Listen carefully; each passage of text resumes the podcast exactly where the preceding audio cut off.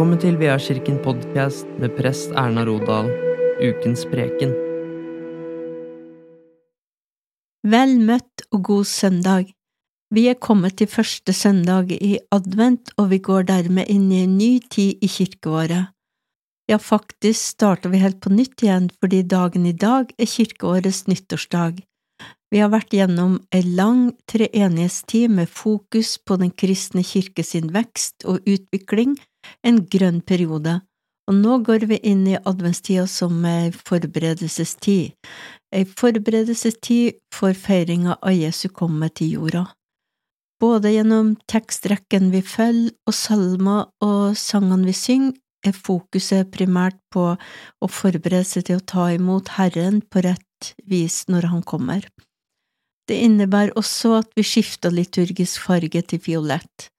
Vi går inn i en type botsperiode på samme måte som den andre og tydeligere botsperioden, nemlig fastetida før påske. Botens tid har som poeng at når Kristus kommer til jorda, og til gledesfesten, julas gledesfest, så skal hjertene være åpne og forberedt Ingen synd skal få lov til å stenge Herrens vei, og vi forbereder oss gjerne ved bønn. Ordet advent kommer av det latinske ordet adventus ankomst. Adventus domino, Herrens komme, det er altså egentlig ikke noe, noe med venting å gjøre språklig sett, men fordi adventstida lik fastetida er ei forberedelsestid til høytida, er venting også et moment. Å bevare adventstida som ei forberedelsestid er jo heller ikke det enkleste når verden rundt oss vil begynne jula allerede før jul, og på den andre sida så kan det være gode grunner til å tyvstarte formidlinga av jula, rett og slett fordi at da rekker vi å nå flere og gjøre mer. I dag så har jeg lyst til å lese både teksten fra Det gamle testamentet fra Salmenes bok 24 og vers 1–10 og evangelieteksten fra Matteus. Jorden og det som fyller den, hører Herren til, verden og de som bor der, er hans, for han har grunnlagt jorden på havet og grunnfestet den på strømmende vann. Hvem kan gå opp på Herrens fjell, hvem får stå på Hans hellige sted? Den som har skyldfrie hender og et rent hjerte, og som ikke lengter etter løgn og ikke sverger falsk ed. Han får velsignelse av Herren og rettferd fra Gud sin frelser. Dette er en slekt som vender seg til ham, som søker ditt ansikt, Jakobs Gud. Løft hodet, dere porter, ja, løft dere eldgamle dører, så ærens konge kan dra inn. Hvem er denne ærens konge? Herren sterk og mektig, Herren mektig i strid. Hvem er han den ærens konge? Herren Sebaot, han er ærens konge. Og så leser vi fra evangelieteksten fra Matteus evangelium kapittel 21, og vers 1 til 11. Da de nærmet seg Jerusalem kom de, og kom til Betfage ved Oljeberget, sendte Jesus to disipler av sted og sa til dem, Gå inn i landsbyen som ligger foran dere, der skal dere straks finne et esel som står bundet og har en fole hos seg. Løs dem og lei dem hit til meg, og om noen kommer med spørsmål, skal dere svare, Herren har bruk for dem. Da skal han straks sende dem med dere. Dette skjedde for at det ordet skulle oppfylles som er talt gjennom profeten. Si til datter Sion, se din konge kommer til deg, ydmyk er han og rir på et esel, på trekkdyrets fole. Disiplene gikk av sted og gjorde som Jesus hadde sagt, og hentet eselet og folen. Så la de kappene sine på den, og han satte seg opp. Mange i folkemengden bredte kappene sine ut over veien, andre skar greiner av trærne og strødde på veien, og mengden som gikk foran og de som fulgte etter, ropte, Hosianna, Davids sønn, Velsignet er Han som kommer i Herrens navn, Hosianna i det høyeste. Da han dro inn i Jerusalem, ble det uro i hele byen, og de spurte, Hvem er dette?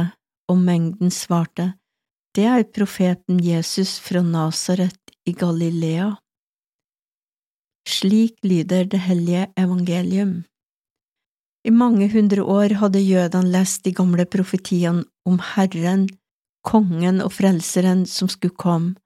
Gud skulle sende en frelser til jødene, en Messias, og tekstene i GT som beskriver Herrens komme, inneholder ulike beskrivelser og tegn på Hans komme. Å gå i dybden inn i adventstida sine tekster og salmene kan gi oss en helt ny åpenbaring av jula. Det er som om nye dører åpner seg og Gud selv trår inn i historien. Det er et så stort og fantastisk skifte i verden, en så radikal endring at vi vanskelig kan begripe det. I GT åpenbarte Gud seg bare for noen få, sånn som Abraham og Moses og profetene, men med Jesus komme til verden kommer Gud sjøl med hele himmelens herlighet og kraft ned til oss. Når Jesus sier at Guds rike er kommet til dere, så er det virkelig det som har skjedd, men det er så ufattelig stort at vi skjønner bare litt av det.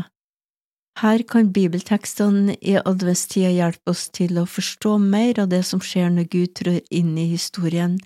Nye dører åpner seg, og nye skatter kommer til syne. Jeg vil virkelig anbefale å gå på en gudstjeneste hver søndag fram til julaften, og studer gjerne tekstene ekstra grundig hjemme. Det vil garantert gi en ny opplevelse av jula og gjøre at vi kommer nærmere Jesus i denne tida.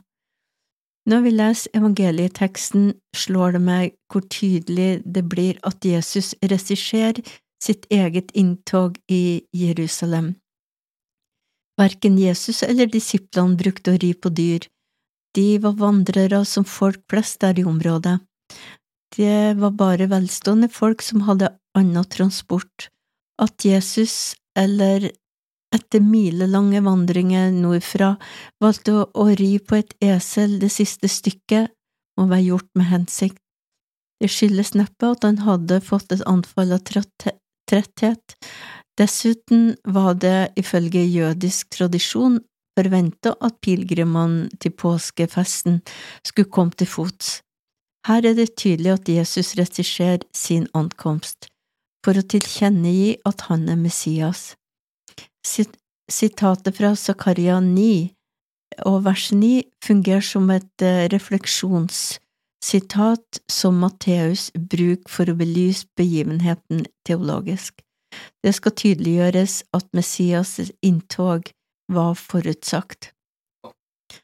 Jesus hadde tidligere nekta å bruke Messias-tittelen på seg sjøl, men nå, like før de avgjørende hendelsene i Jerusalem, så er det akkurat som at han eh, bare kaster maska.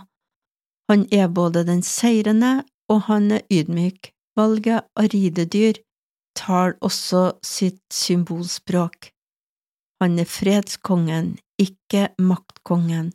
Å ri på hest gjorde kongen i krig, men å ri på et esel, det kunne kongen gjøre i fredstid, det finnes det eksempler på i Det gamle testamentet. Jesus er den Messias som jødene hadde venta på og lengta etter skulle komme, i hundrevis av år. Vi er så heldige å få være født i den tida da han er her midt iblant oss. Det er det virkelig grunn til å feire. Adventstida kan vi benytte til å synliggjøre Jesus både for oss sjøl og for de vi har rundt oss.